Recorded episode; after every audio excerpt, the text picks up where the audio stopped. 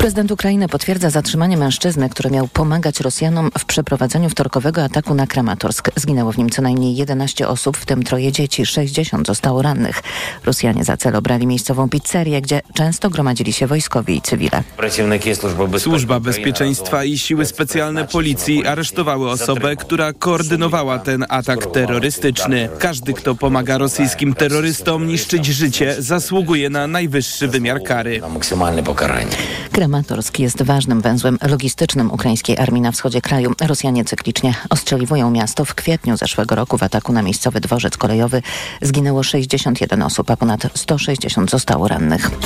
Drugą noc z rzędu we Francji doszło do zamieszek po tym, jak policjant zastrzelił 17-latka z imigranckiej rodziny. Policja podawała sprzeczne informacje na temat tego zdarzenia. Według pierwszej wersji jadący samochodem nastolatek nie zatrzymał się do kontroli i chciał przejechać policjanta. Jednak na opublikowanym w mediach nagraniu widać, że samochód stoi, a funkcjonariusz celuje przez szybę do kierowcy. Strzał pada w momencie, gdy samochód rusza. Obrońcy rodziny zmarłego mówią o egzekucji. Wyjaśnienia sprawy domaga się francuska premier Elisabeth Borne. Opublikowane nagranie pokazuje interwencję wyraźnie niezgodną z zasadami zaangażowania sił bezpieczeństwa. Fakty w tej sprawie będą musiały ustalić sądy, które już rozpoczęły pracę. Policjant jest w areszcie. Mam nadzieję, że sprawa zostanie wyjaśniona tak szybko, jak to możliwe. W trakcie nocnych protestów na podparyskich ulicach pojawiły się barykady. Protestujący podpalili autobus, kilka samochodów i śmietników. W Brukseli rozpoczyna się dwudniowy szczyt Rady Europejskiej. Szefowie państw i rządów państw członkowskich będą rozmawiać o wojnie w Ukrainie, ale także o relokacji migrantów. Polska nie zgadza się na mechanizm przymusowej relokacji, mówił przed szczytem minister do spraw europejskich Szymon Szynkowski. Welsenk. Słuchasz informacji TOK FM. Prezydent Krakowa Jacek Majchrowski bez wotum zaufania dla od Rady Miasta. To już druga taka sytuacja w tej kadencji. Referendum w sprawie odwołania jednak nie będzie. O czym więcej Paulina Nawrocka. Jacek Majchrowski, podobnie jak w zeszłym roku, nie zdobył większości w 43-osobowej Radzie Miasta. Poparli go radni z jego własnego klubu, niezależni i ci z PiS związani z Małgorzatą Wasserman. Od głosów wstrzymała się większość radnych Koalicji Obywatelskiej. Radni zarzucali prezydentowi m.in. problemy z komunikacją miejską, niedostateczne dbanie o zieleń, niegospodarność i personalne przepychanki wśród jego współpracowników. Dwukrotny brak wotum zaufania otwiera drogę do rozpisania referendum w sprawie odwołania prezydenta, ale radni raczej nie zdecydują się na taki krok. Jeszcze przed głosowaniem mówili w kuluarach, że nie chcą, by na niecały rok przed wyborami samorządowymi Kraków trafił w ręce pisowskiego komisarza, a tym mogłoby się skończyć takie referendum. Z Krakowa Paulina Nawrocka. TOK FM. Kolejne informacje w TOK FM o 7.20. Za chwilę poranek Radia TOK FM i Karolina Lewicka. Wcześniej prognoza pogody.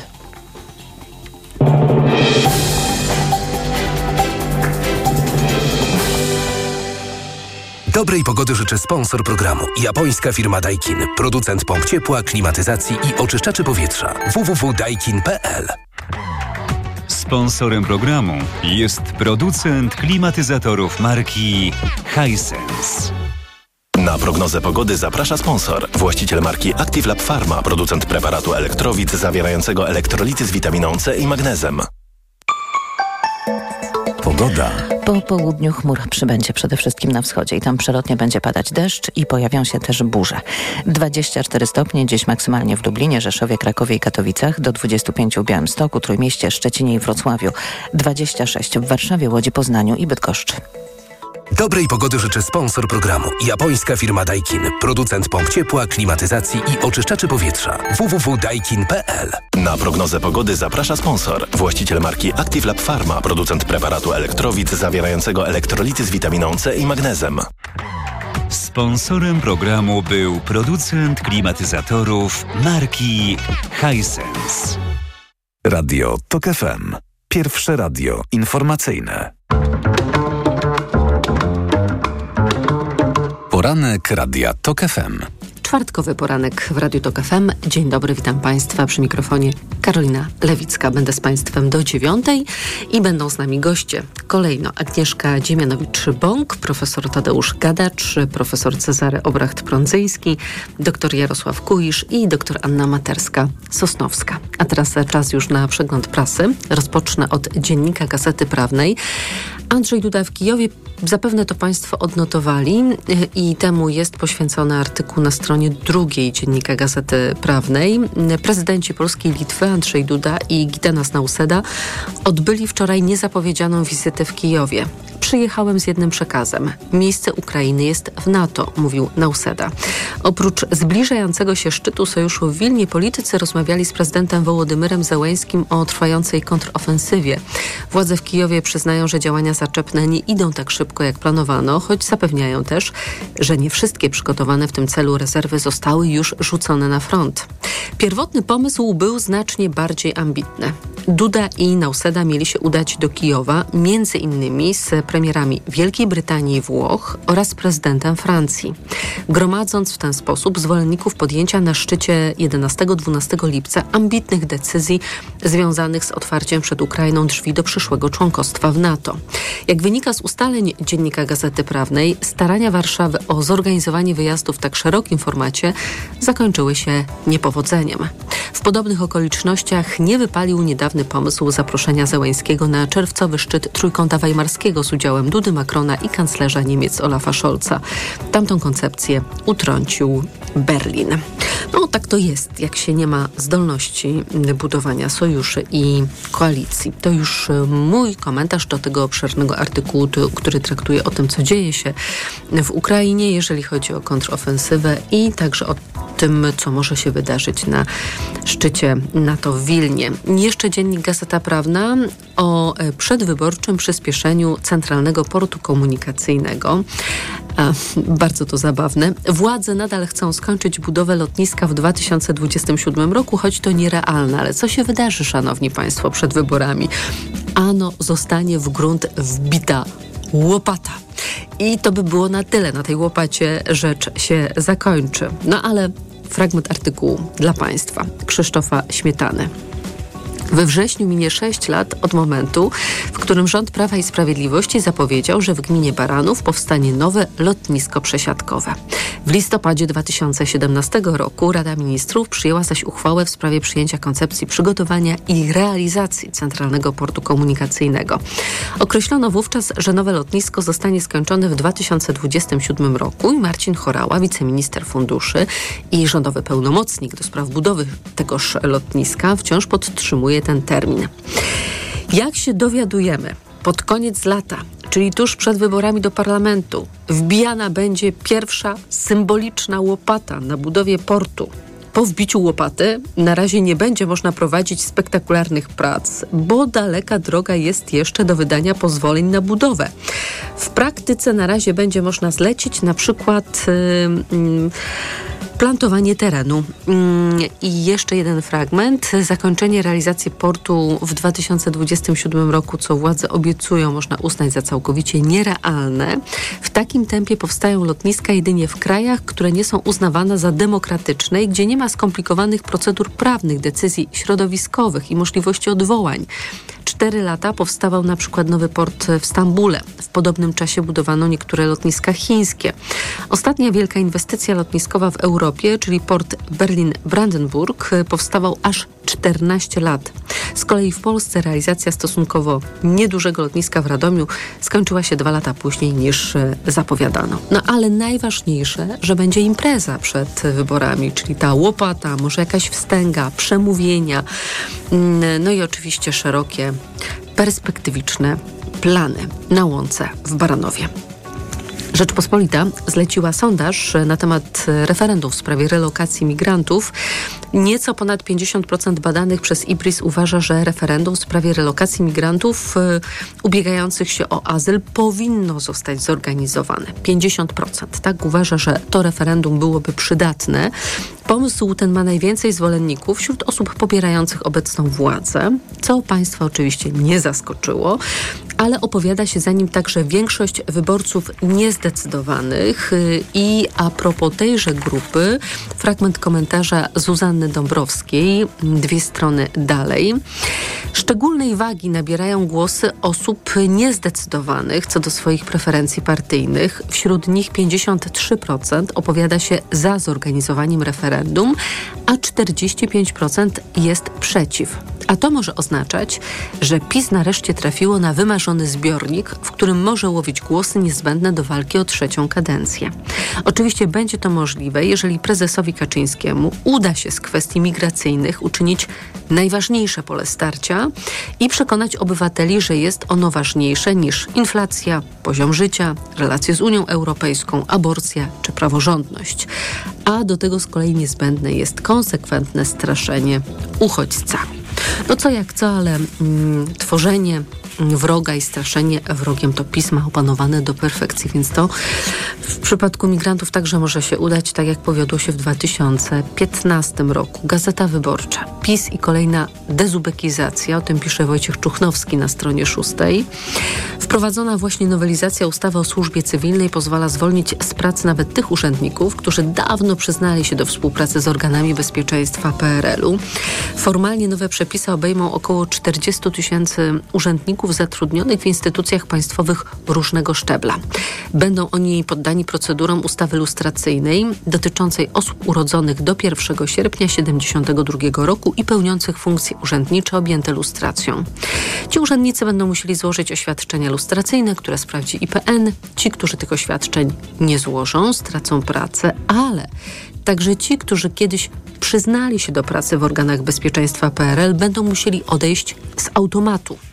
Gdy w latach 90. zaczynano w Polsce lustrację, przyznanie się do współpracy nie odbierało prawa do zatrudnienia w instytucjach państwowych. Przeciwnie, wyznanie prawdy było warunkiem, dzięki któremu dana osoba mogła zostać na swoim stanowisku. Potem to się zmieniło, aż do teraz, gdy na przykład ktoś, kto kilkanaście lat temu napisał prawdę o swoim uwikłaniu czy pracy dla służb, nagle zostanie za to ukarany. Takie zaostrzenie prawa zostało negatywnie skomentowane przez Senat, który odrzucił nowelizację ta, także przez Rzecznika Praw Obywatelskich, no ale uwagi Senatu, Rzecznika, innych ekspertów Sejm głosami PiSu odrzucił.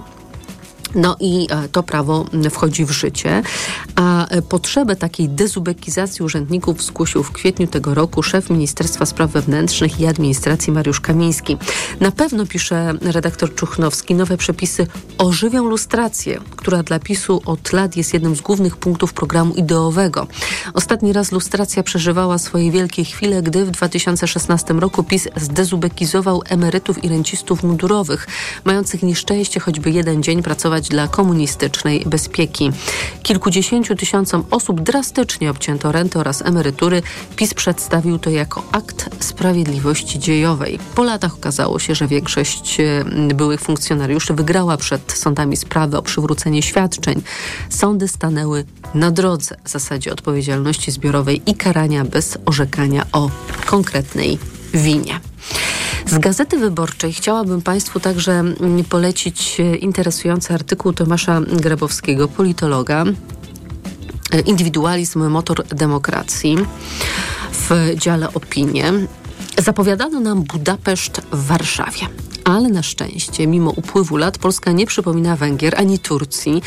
Z drugiej jednak strony wciąż nie udaje nam się utrwalić demokracji. Jedną nogą tkwimy w Europie, a drugą na wschodzie.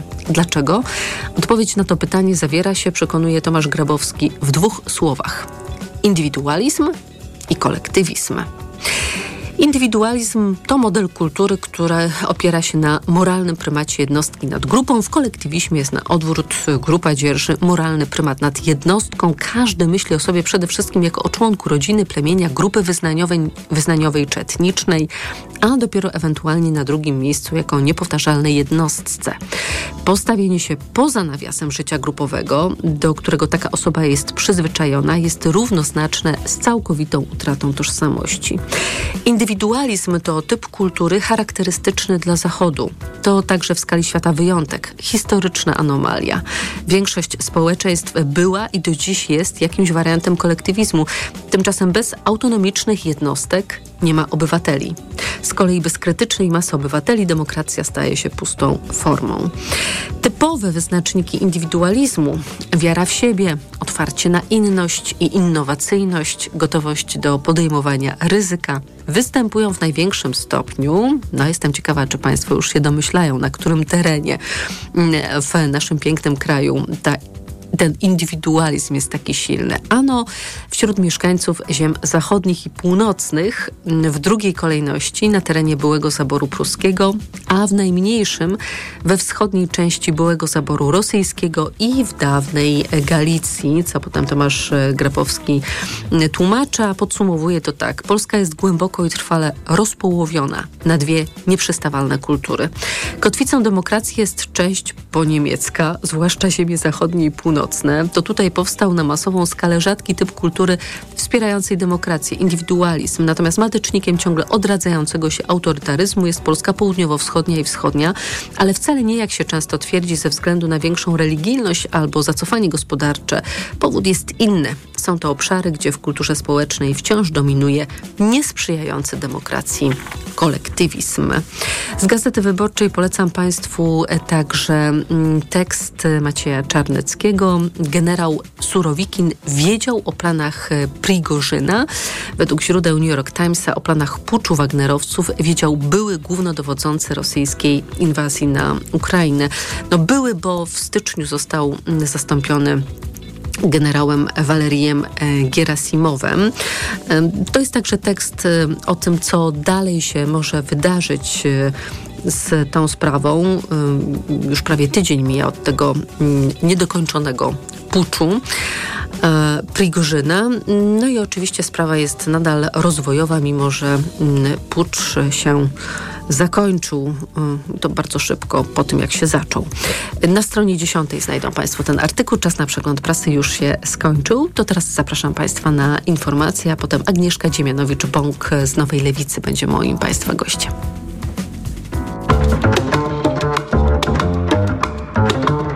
Poranek Radia TOK FM. Autopromocja.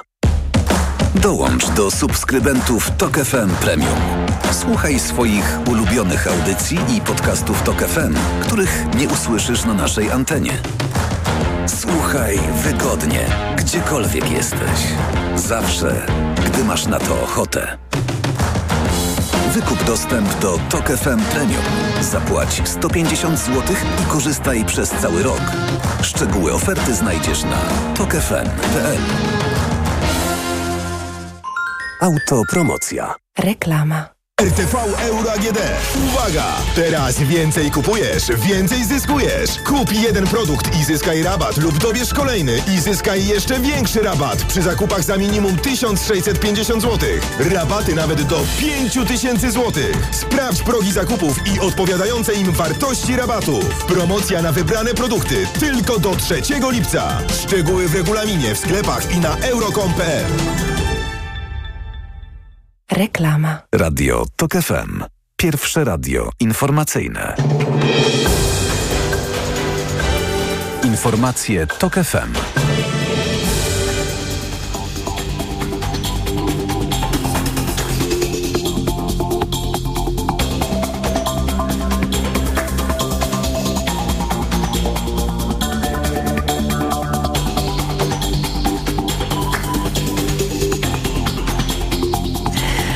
7.20 Marta Perchuć-Burzyńska. Zapraszam na 6 lipca. Sekretarz generalny NATO Jens Stoltenberg zwołał spotkanie przedstawicieli Turcji, Szwecji i Finlandii, by przekonać Ankarę do zaakceptowania akcesji Sztokholmu do sojuszu. Jak komentuje Associated Press, to zabiegi ostatniej szansy mające przełamać obiekcje Turcji wobec przyjęcia Szwecji do NATO jeszcze przed planowanym na 11 i 12 lipca szczytem w Wilnie. Rozbitą awionetkę z ciałem pilota w środku znaleziono w nocy w powiecie sławiańskim. Samolot runął w okolicach Darłowa. Poszukiwania trwały od kilku godzin.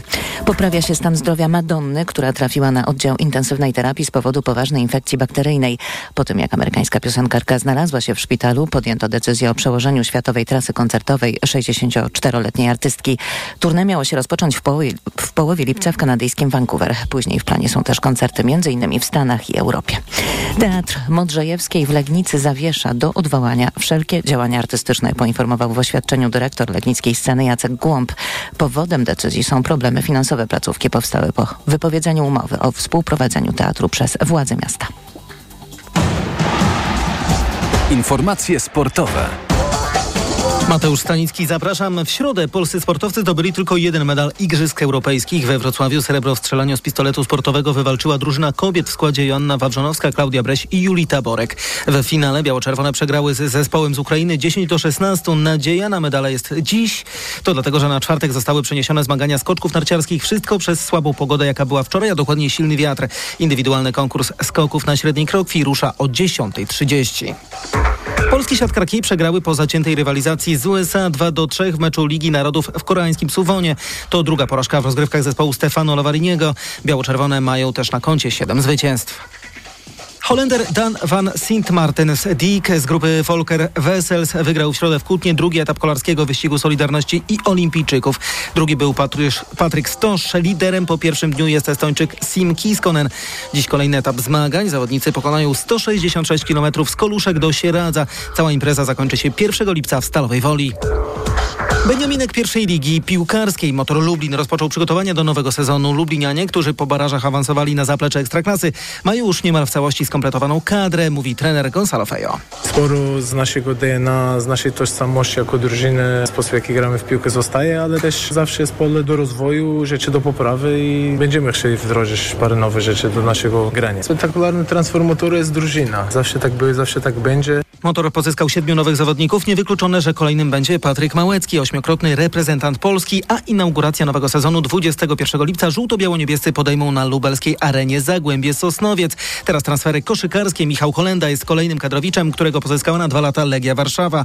26-letni koszykarz przez całą karierę seniora związany był z Treflem Sopot, w barwach którego spędził 11 lat. To drugi zawodnik, który podpisał umowę ze stołecznym klubem.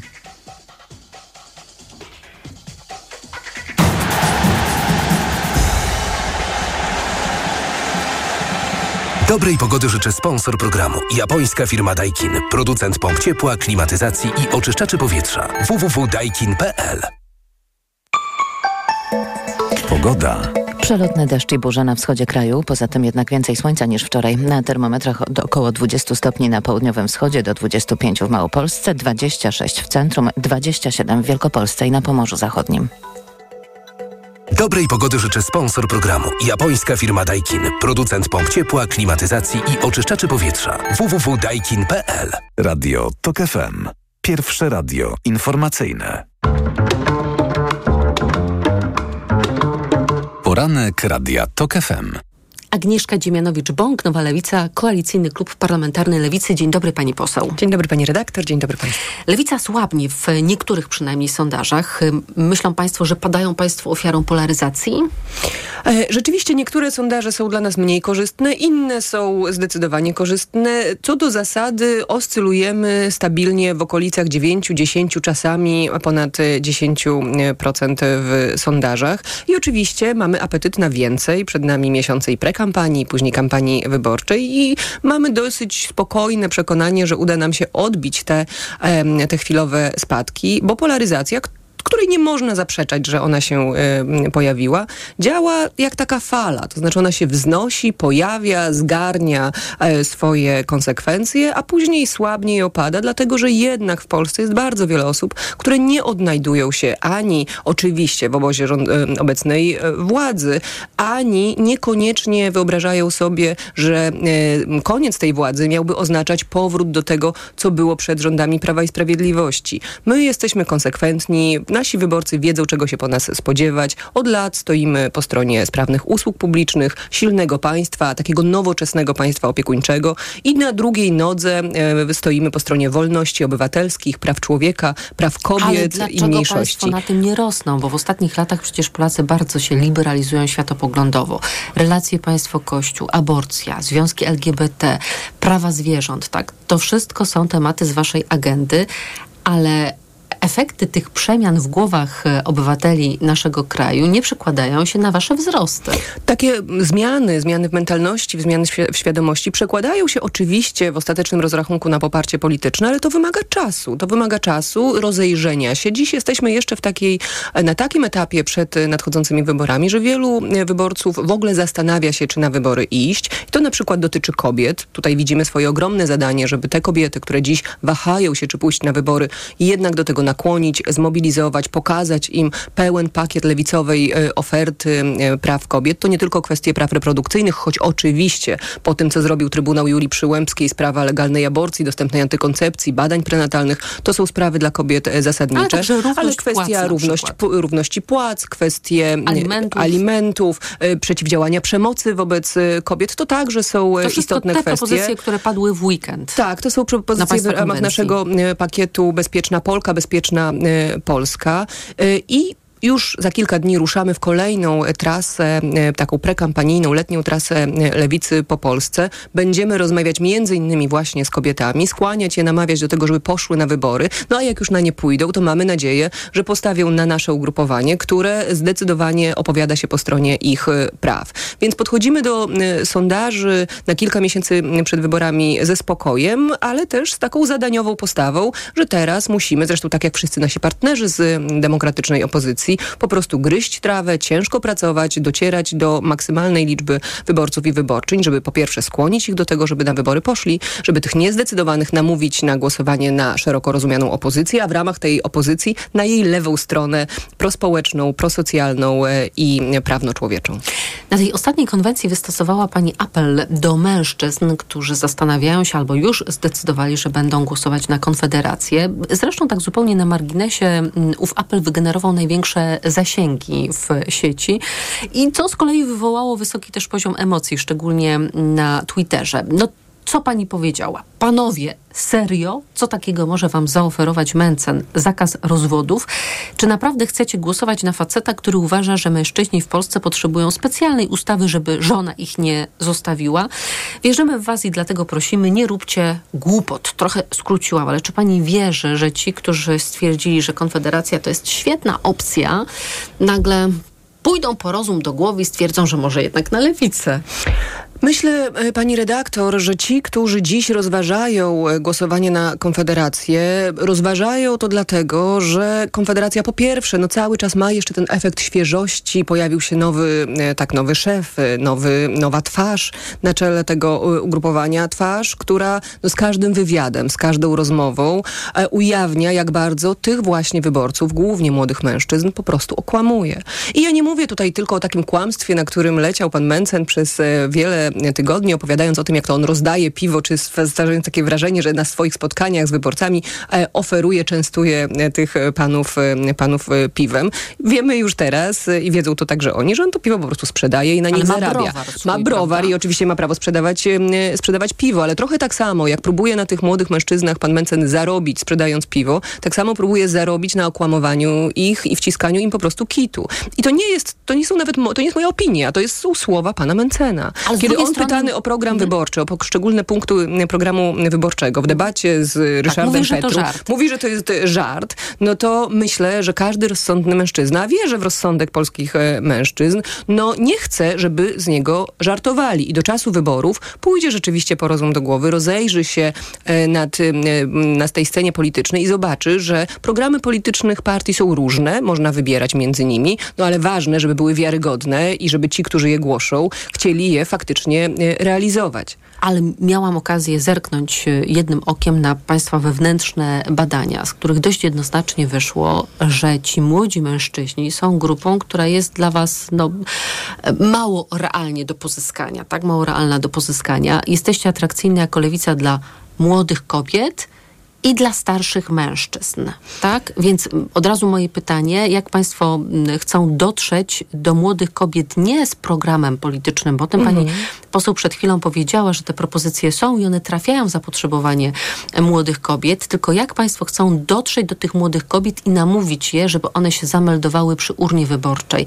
Bo doskonale wiemy, co się wydarzyło po protestach po orzeczeniu Trybunału Konstytucyjnego w sprawie aborcji.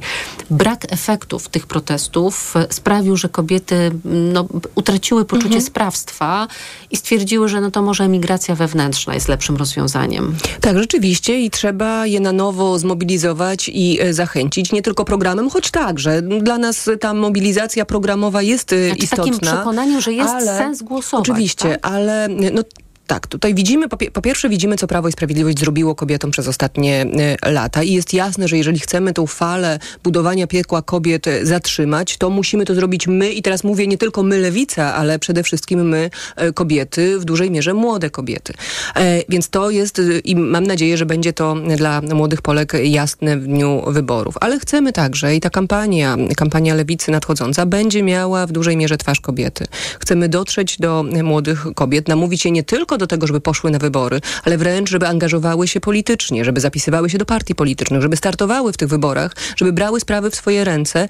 E, a muszę powiedzieć, że to jest możliwe. To znaczy ja startując w 2019 roku do Sejmu, to jest moja pierwsza kadencja, po raz pierwszy startowałam do parlamentu, startowałam z ostatniego miejsca, z 28 miejsca we Wrocławiu i udało się, zdobyłam mandat i mam możliwości, żeby ten mandat wykorzystywać także walcząc o prawa kobiet, także interweniując w szpitalach, kiedy ich zdrowie jest zagrożone, kiedy na przykład nie chce ktoś przerwać ciąży, choć zagra, zagraża ona zdrowiu e, i życiu, broniąc kobiet na protestach. No nie będę tutaj długo, e, długo e, wymieniać, więc chciałabym, i to jest taka moja osobista ambicja, namówić jak najwięcej młodych dziewczyn, młodych kobiet, nie tylko do tego, żeby na nas postawiły i zagłosowały, ale żeby robiły to razem z nami, żeby budowały tą kampanię z nami, żeby startowały, żeby pojawiły się na listach wyborczych, bo one wiedzą najlepiej, czego doświadczają na co dzień, czego im w, w, w Polsce brakuje. Mówię tu o kobietach nie tylko z dużych miast, bo te oczywiście masowo wychodzą na protesty, organizują się łatwiej. Jest tutaj o takie zaangażowanie społeczne i polityczne. Ale też pani sugeruje, że listy lewicy będą otwarte na osoby z zewnątrz, które nie są e, działaczami partyjnymi, bo, bo tak trochę z tego wynika.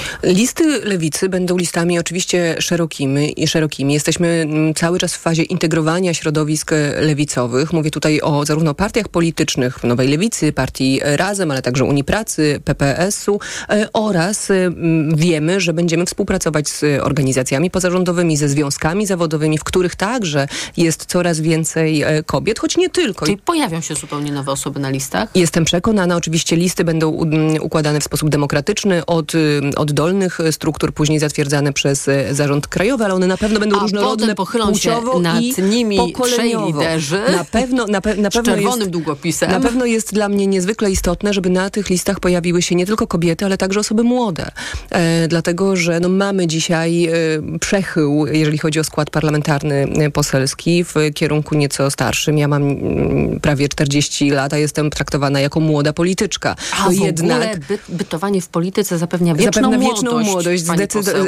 e, zdecydowanie. Ja serdecznie zazdroszczę. E, ale widzimy, słyszymy też głosy młodych kobiet, że one chcą się angażować i chcemy im taką, taką przestrzeń, taką przestrzeń e, stworzyć. E, Więc tak, będziemy mobilizować młode kobiety, ale to nie znaczy, że nie mamy, nie będziemy mieć i nie będziemy zwracać się do młodych mężczyzn nie tylko z apelem, żeby nie robili głupot, ale także z naszą ofertą programową. Tak naprawdę my ją już mamy. Lewica jest tym ugrupowaniem, które e, mówi najwięcej o e, potrzebie inwestowania w e, system ochrony zdrowia, jeżeli chodzi o zdrowie psychiczne, o kryzysie depresyjnym, kryzysie, jeżeli chodzi o zwiększającą się liczbę samobójstw. Często podnosi się kwestie, bardzo słusznie, tych mm, przerażających rekordów, jeżeli chodzi o próby samobójcze dzieci i młodzieży. Ale faktem jest, że nad wyraz wielu mężczyzn popełnia samobójstwo, czy właśnie dokonuje, e, dokonuje prób e, samobójczych. Kiedy mówimy o ochronie zdrowia, o inwestycjach w zdrowie psychiczne, mówimy także do mężczyzn. Kiedy mówimy o poprawie warunków pracy, o wzmocnieniu Państwowej Inspekcji Pracy, mówimy de facto do mężczyzn, bo to na przykład mężczyźni w dużej mierze ulegają mm, wypadkom e, w, w pracy. Ale na Konfederację głosują ci młodzi mężczyźni, którzy chcą niskich podatków i temu, żeby państwo im nie przeszkadzało, a w ogóle wierzą w to, że zawsze będą młodzi, zdrowi, a na emeryturę sobie sami odłożą. To są mężczyźni, którzy mają także swoje matki, swoich ojców na em, emeryturach. Często są to jednoosobowe mm, gospodarstwa senioralne, no bo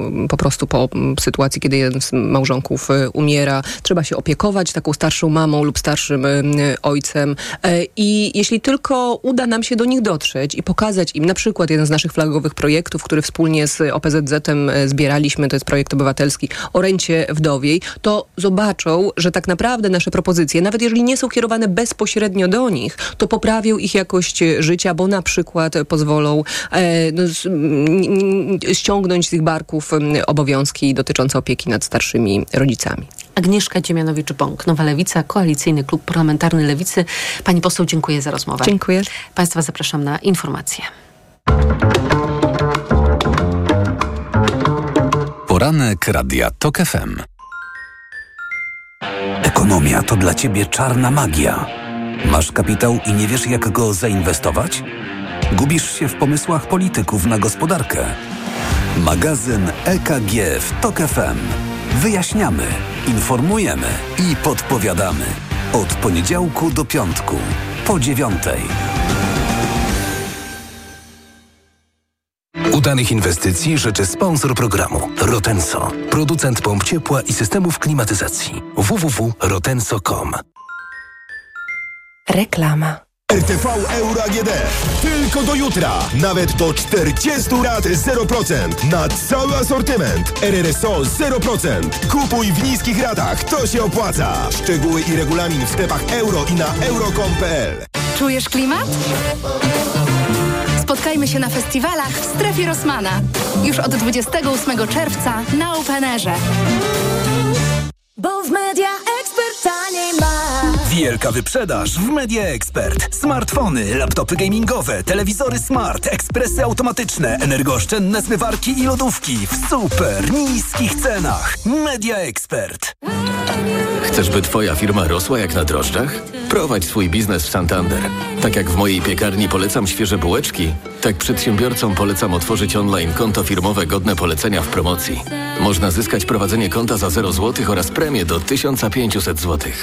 Santander Bank Polska pomaga prowadzić biznes. Jesteśmy organizatorem promocji godnej polecenia edycja czwarta. Możesz do niej przystąpić do 31 lipca bieżącego roku, jeśli prowadzisz jednoosobową działalność gospodarczą i skorzystasz z bankowości elektronicznej linii firma. Szczegóły znajdziesz na santander.pl ukośnik firma. Alice Cooper, Johnny Depp, Joe Perry, Tommy Henriksen. Razem ze swoimi znanymi przyjaciółmi Hollywood Vampires na żywo. To them, the children of the night. What music they make. Hollywood Vampires już 22 lipca na 14 festiwalu Legend Rocka w Dolinie Szarloty. Bilety na dolinaszarloty.pl, ticketmaster.pl, eventim.pl, e-bilet.pl. Ze względu na bardzo duże zainteresowanie koncertem Hollywood Vampires w Dolinie Charlotty powiększamy nasze pole namiotowe wyposażone w prysznice i sanitariaty. Zapraszamy od 20 do 24 lipca. Rezerwacja małpa charlotta.pl Teraz w Neonet rewelacyjna oferta na lodówki marki Samsung. Sprawdź super niskie ceny na najczęściej wybierane lodówki w Polsce. Jak ponad dwumetrowa grafitowa lodówka Samsung SpaceMax z funkcją szybkiego chłodzenia i zamrażania teraz za 1999. A cicha lodówka Samsung Bespoke czarne szkło z systemem No Frost już za 2,999. Podane ceny produktów są najniższymi z ostatnich 30 dni. Neonet. Porozmawiajmy o dobrych ofertach. Tylko teraz rozpocznij wakacje z rabatem aż do 50% na wybrane produkty do relaksu, zabawy w ogrodzie i na balkonie. Sprawdź też nasze mega okazje do wodnego szaleństwa na wybrane jacuzzi, baseny oraz dmuchane zabawki dla dzieci. Z rabatem aż do 50% czekają na Ciebie również wybrane meble ogrodowe, grille, place zabaw i huśtawki dla dzieci. Nie zwlekaj, odwiedź OBI już dziś. Taka promocja tylko do 5 lipca. Szczegóły w regulaminie. Zrobisz to z OBI. Reklama. Radio TOK FM. Pierwsze radio informacyjne. Informacje TOK FM. 7.40 Marta Perchuć-Burzyńska. Zapraszam do 12. Wzrosła liczba ofiar śmiertelnych rosyjskiego ostrzału rakietowego w Kramatorsku. Dziś rano spod gruzów wydobyto ciało jeszcze jednej zabitej osoby. Wśród zabitych jest troje dzieci, 60 osób zostało rannych. Do ataku na Kramatorsk doszło we wtorek wieczorem. Pocisk uderzył w popularną pizzerię w centrum miasta. Oskarżono porwanie, zgwałcenie i zamordowanie 27-letniej Polki na greckiej wyspie Kos. Mężczyzna z Bangladeszu miał minionej nocy trafić do więzienia o zaostrzonym rygorze w Pirausie. Nadal nie przyznaje się do winy. Jego proces ma ruszyć w najbliższym czasie. Może potrwać około półtora roku.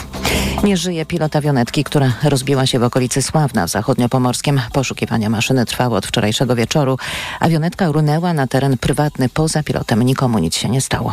Kolejne utrudnienia w Krakowie. Na wylotówce na Warszawę od kilkudziesięciu minut obowiązuje ograniczenie prędkości do 40 km na godzinę i zmiana organizacji ruchu na rozbudowywanej alei 29 listopada. Katarzyna Młyna Na 29 listopada nie wjedziemy ulicą Woronicza i nad Strugą, mówi Jan Machowski z Zarządu Inwestycji Miejskich. One będą zamknięte dla ruchu. Jeśli chodzi o Woronicza, objazd będzie wyznaczony ulicą Lublańską, natomiast y, ulica nad Strugą będzie można jechać od ulicy Opolskiej. Trzeba spodziewać się korków nie tylko przez ograniczoną prędkość, ale też zwężenia. Musimy wykonać y, jakby kolejny etap prac związanych z budową drogi. Stąd raz ten ruch jest po lewej, raz po prawej stronie. No ale to już jest taki etap, że widać światełko w tunelu. Zmiany te mają obowiązywać do końca sierpnia. Z Krakowa Katarzyna Młynarczyk. TOK FM. Pogoda. Przelotny deszcz i burze dziś na wschodzie kraju, ale będzie też sporo rozpogodzeń. Będzie też cieplej niż wczoraj od 23 do 27 stopni. Radio TOK FM. Pierwsze radio informacyjne. Poranek Radia TOK FM. Profesor Tadeusz Gadacz jest z nami, Wydział Humanistyczny AGH oraz Kolegium Civitas. Dzień dobry panie profesorze. Dzień dobry pani redaktor, dzień dobry państwu. Dwa dni temu były brytyjski minister zdrowia Matt Hancock wziął udział w przesłuchaniach publicznych, jakie ruszyły na wyspach w tym miesiącu, a które mają na celu zbadanie reakcji Wielkiej Brytanii na pandemię i wyciągnięcie wniosków na przyszłość. I po pierwsze minister ponownie przepraszał rodziny wszystkich ofiar COVID-19 za błędy i zaniedbania jego resortu w trakcie pandemii. Mówił, jak bardzo jest mu przykro. Po drugie, Londyn postanowił wyświetlić publicznie wszystko to, co działo się podczas pandemii, kto jakie decyzje podejmował, które były dobre, a które złe. Tyle Brytyjczycy. Tymczasem w Polsce już w tę sobotę pandemia oficjalnie dobiegnie końca 1 lipca 2023 roku. Tylko, że tak, nie było żadnych przeprosin za błędy. Winni podejrzanych transakcji wciąż piastują e, stanowiska, a rząd chyba już dawno zapomniał o pandemii, nie chce wyciągać z tego okresu żadnych wniosków, nauczyć czegoś państwo, jego instytucje, usprawnić procedury. Nic z tych rzeczy. Dlaczego gdzie indziej tak, a u nas tak? Szanowni Państwo, y, warto przypomnieć y, taką krótką historyczną informację, że w Polsce nie było świecenia. W związku z tym nie mogliśmy się y, nauczyć tego, do czego zachęcał Immanuel Kant, mianowicie sapere aude. Mieć odwagę krytycznie myśleć. I posługiwać się rozumem. Dokładnie, posługiwać się rozumem i w związku z tym poziom odpowiedzialności, jaka panuje w Polsce, jest odzwierciedleniem poziomu polskiej demokracji. Dlatego, że odpowiedzialność y, ma zawsze trzy takie elementy strukturalne. Podmiot odpowiedzialności, przedmiot za to, za co ktoś jest odpowiedzialny, no i oczywiście musi być odpowiedni trybunał. W przypadku odpowiedzialności karnej albo prawnej, tym trybunałem jest y, sąd, no ale oczywiście, żeby sprawa trafiła przed sąd, to musi najpierw przejść przez prokuraturę, no ale wiemy o tym, że wysłanie zawiadomienia do polskiej prokuratury to jest mniej więcej tak jak pisz na Berdyczów albo wyślij list do Puszczyni Połomickiej. I to się nie zmieni, dopóki nie zmieni się w Polsce władza. Y, na dodatek oczywiście jest jeszcze taka forma y, y, odpowiedzialności społecznej, jak bunt społeczny, czy też nieposłuszeństwo obywatelskie, do którego bardzo zachęcała Hanna Arendt, no ale widocznie nie mamy jeszcze y, w Polsce y, takiego poziomu rozwoju demokracji jak w Anglii i takiego poczucia przyzwoitości jak w Anglii, żeby y, tego rodzaju rzeczy się mogły dziać. No oczywiście do tego trzeba dołożyć zanik kompasa moralnego, bo tam, gdzie autokracja zaczyna działać, tam w sumie fundamentalne wartości i zasady moralne, które są konieczne dla rozwoju demokracji, one po prostu zanikają.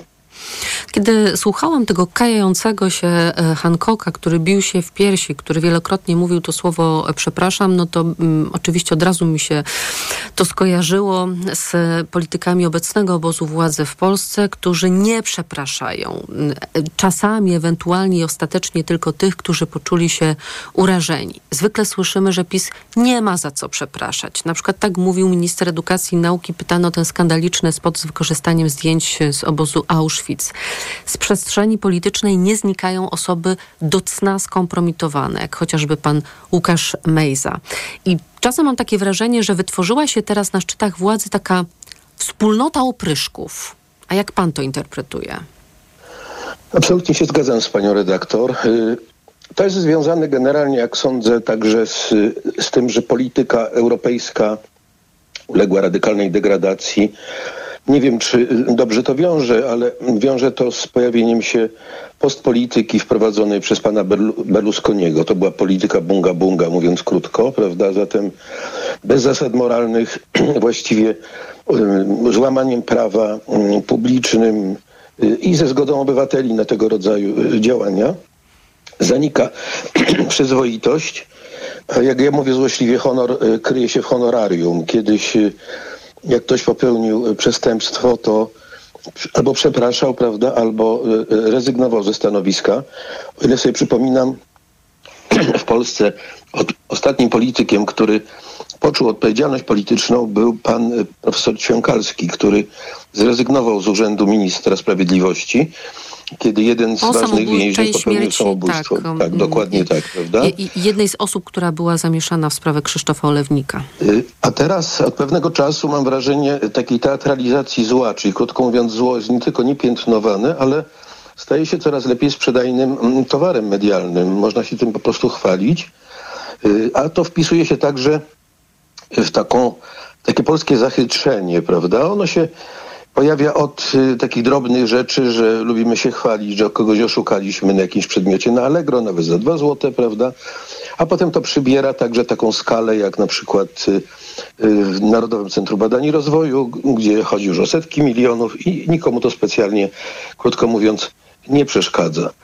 I to dla mnie jest sytuacja bardzo dramatyczna, dlatego że Demokracja y, liberalna w Europie mogła powstać dlatego, że ona była oparta na pewnych fundamentalnych zasadach moralnych, takich jak przyzwoitość, prawdomówność, prawość, y, życzliwość.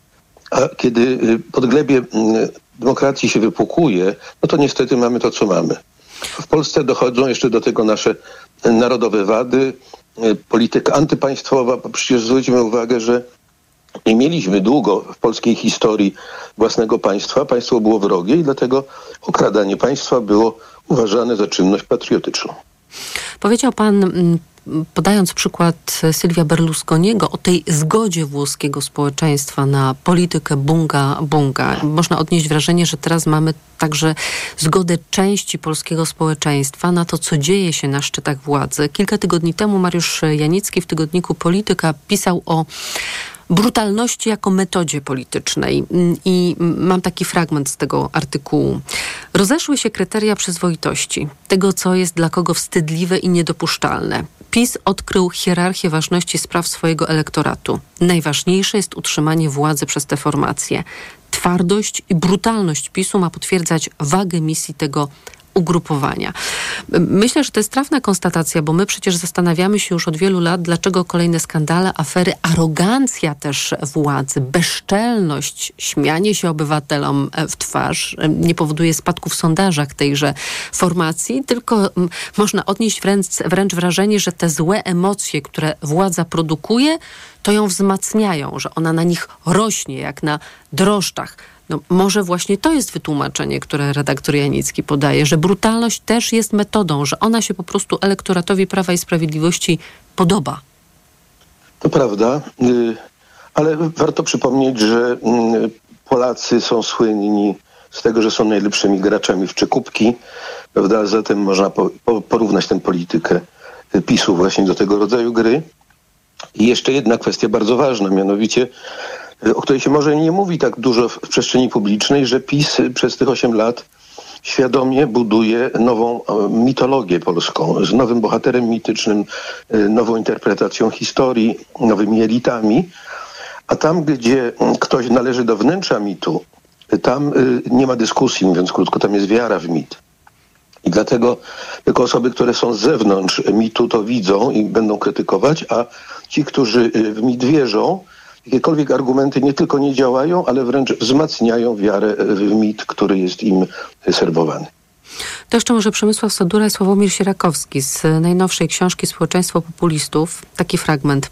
W wywiadach z wyborcami afery pojawiają się bardziej jako coś odnotowanego niż bulwersującego. Wyłączając wielkomiejski elektorat Platformy i Lewicy, najbardziej antypisowski, afery obozu władzy odbijają się wśród wyborców słabym echem. Liczne skandale, którymi media żyły tygodniami, jak na przykład afera gruntowa Mateusza Morawieckiego, nie rezonują w ogóle.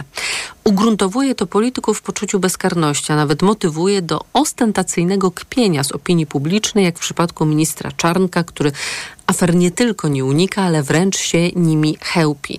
No i to jest także diagnoza tego, jak bardzo zainteresowani jesteśmy polityką. To znaczy, że nie jesteśmy nią zainteresowani, że nas to kompletnie nie obchodzi, więc nie śledzimy tych doniesień e, aferalno-skandalicznych i wzruszamy na to ramionami. Pani redaktor, do części y, w ogóle te informacje nie docierają. Ja mieszkam w takim miejscu niedaleko Myślenic i daję głowę, że gdybym przepytał y, połowę obywateli, co to jest Narodowe Centrum Badań i Rozwoju, to prawdopodobnie nie mają kompletnie orientacji na ten temat. Dlatego, że PiS poprzez zawłaszczenie mediów zbudował Polskę alternatywną. Żyjemy w dwóch różnych światach. To, to kwestia pierwsza. A druga, rzeczywiście tak jest, że po prostu było przyzwolenie, jest przyzwolenie na to. Ja pamiętam jeszcze z okresu PRL-u taką sytuację zabawną, kiedy y, y, pewien uczeń podkradał koleżance a to pisaki, a to kredki. Mama bezwała tatę do y, szkoły i powiedziała, w czym jest rzecz, a on zbeształ syna i mówi, czemu mi tego nie powiedziałeś, że ci brakuje, przecież przyniósłbym ci z pracy. Prawda? No więc może to i zabawne, ale po prostu jest takie przyzwolenie, tak jak mówię, no, nie mamy prodemokratycznego, propaństwowego nastawienia. Jest przyzwolenie na łamanie zasad moralnych i, i to po pierwsze może się zmienić dopiero wtedy, kiedy y, wygramy wybory i te wielkie afery zostaną osądzone, bo na razie nam ukradziono Trybunał Odpowiedzialności i odpowiedzialność nie może być rozliczona.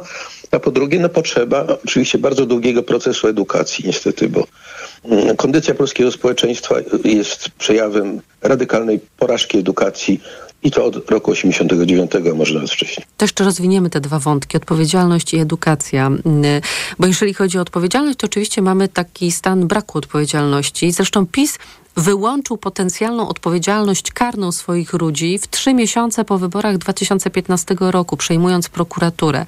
Już w lutym 2016 roku była przyjmowana ustawa, nowelizacja ustawy prawo o prokuraturze i PiS na śledczych położył rękę, ale wyłączył też odpowiedzialność polityczną i wręcz wyspecjalizował się w przerzucaniu odpowiedzialności na innych albo zrzucaniu odpowiedzialności z siebie. Klasy, klasyczny przykład, trochę śmieszny, trochę straszny, to z ostatnich tygodni Adam Glapiński, który okleił bank centralny komunikatami, że jak kto twierdzi, że inflacja jest winą rządu, to uprawia ruską propagandę. Albo pieniędzy z KPO nie ma, bo opozycja donosiła do Brukseli na swoją ojczyznę. I moglibyśmy tak wymieniać. Teraz w ogóle mam wrażenie, że jesteśmy na takim etapie, że utrzymanie władzy to jest jedyna szansa uniknięcia odpowiedzialności przez obóz obecnie rządzący, że to jest właśnie ta kulminacja braku odpowiedzialności. Pełna zgoda, pani redaktor, y, i dlatego ja uważam, zresztą nie jestem jedyny chyba, który ma taką opinię, że y, z końcem września, jeśli władza będzie widziała po sondażach, że może realnie władzę utracić, to prawdopodobnie spróbuje zablokować wybory. Ja z tyłu głowy mam taką, taką myśl. Ale skoro wspomniała Pani o wyłączaniu odpowiedzialności... Ale zablokować przez stan wyjątkowy na przykład, tak? Tak, oczywiście. My jesteśmy do tego przygotowywani w tej chwili te opowieści o y, wojnie hybrydowej, tak o zagrożeniu tak, ze strony Białorusi. Na, na, mhm. na Białorusi, o y, takich y, przeszkodach antyczołgowych stawianych na granicy z Królewcem, prawda? Mhm. Więc posypią się gdzieś informacje w mediach, że granice są zagrożone, bezpieczeństwo Polski i tak dalej.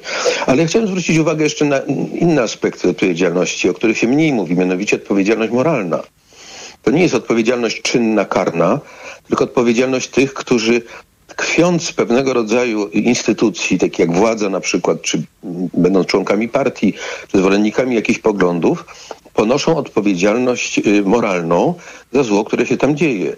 A zatem wszyscy y, przedstawiciele władzy obecnej, czy członkowie PiSu, wiedząc, że y, przestępstwa są dokonywane, a nie zgłaszają ich do prokuratury, choćby nawet taka drobna sprawa, prawda, kiedy polityk mówi, że w Smoleńsku zabito polskiego prezydenta. No to taka osoba, skoro mówi, że zabito, to znaczy, że ona dysponuje pewną wiedzą potwierdzającą ten fakt i powinna natychmiast tę sprawę oddać do prokuratury, bo inaczej ponosi odpowiedzialność moralną. Tak jak każda osoba, która na przykład nie wesprze kogoś słabego, bo warto też wspomnieć, że istnieje taka odpowiedzialność międzyludzka jako zdolność do odpowiedzi na słabość, prawda? Ktoś, kto upada na ulicy, no, powinien dostać wsparcie i ten, który odpowiada, jest odpowiedzialny. Natomiast i ten wymiar odpowiedzialności u nas znika, choćby nawet na przykład zwolennicy mm, Konfederacji nie mogą y, zapominać o tym, o czym mówił ostatnio pan Brown, prawda? I twierdzić, że oni nie mają nic wspólnego z jego y, antyżydowskim nastawieniem, czy antyukraińskim, prawda, czy, czy z faszystowskim prawie i tak dalej. Nie. Oni ponoszą moralną odpowiedzialność za to. Trzeba o tym pamiętać bo on jest członkiem mm, ich y, formacji.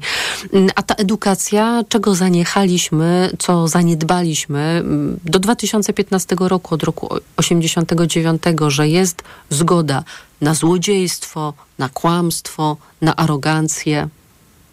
Pani redaktor, powiem może coś, y, co wywoła burzę. Zaniedbaliśmy kształcenia etycznego, natomiast religia w Polsce etyki nie uczy, ponieważ w Polsce symboliczna i mitologizowana religijność nie ma żadnego związku z etyką. Przecież chyba widzimy wszyscy, że w Polsce są łamane permanentnie wszystkie zasady i przykazania moralne, od kłamstw, oszustw, cynizmu, obrażania innych ludzi, dzielenia itd. Tak nie widziałem poza wyjątkami jakichkolwiek protestów ze strony przedstawicieli Kościoła. A to dlatego, że w Polsce, jak ktoś obrazi Jana Pawła II, to wszystkie armaty będą strzelać. Ale jak politycy będą kłamać i oszukiwać, to nawet pukawki kościelne nie wystrzelą. Profesor Tadeusz Gadacz, Wydział Humanistyczny AGH oraz Kolegium Civitas. Panie profesorze, bardzo dziękuję za rozmowę. Ja także bardzo dziękuję. Miłego dnia. Państwa zapraszam na informacje o ósmej, a po informacjach profesor Cezary Obracht-Prądzyński będzie moim Państwa gościem z Uniwersytetu Gdańskiego i pochylimy się nad e, sondażami.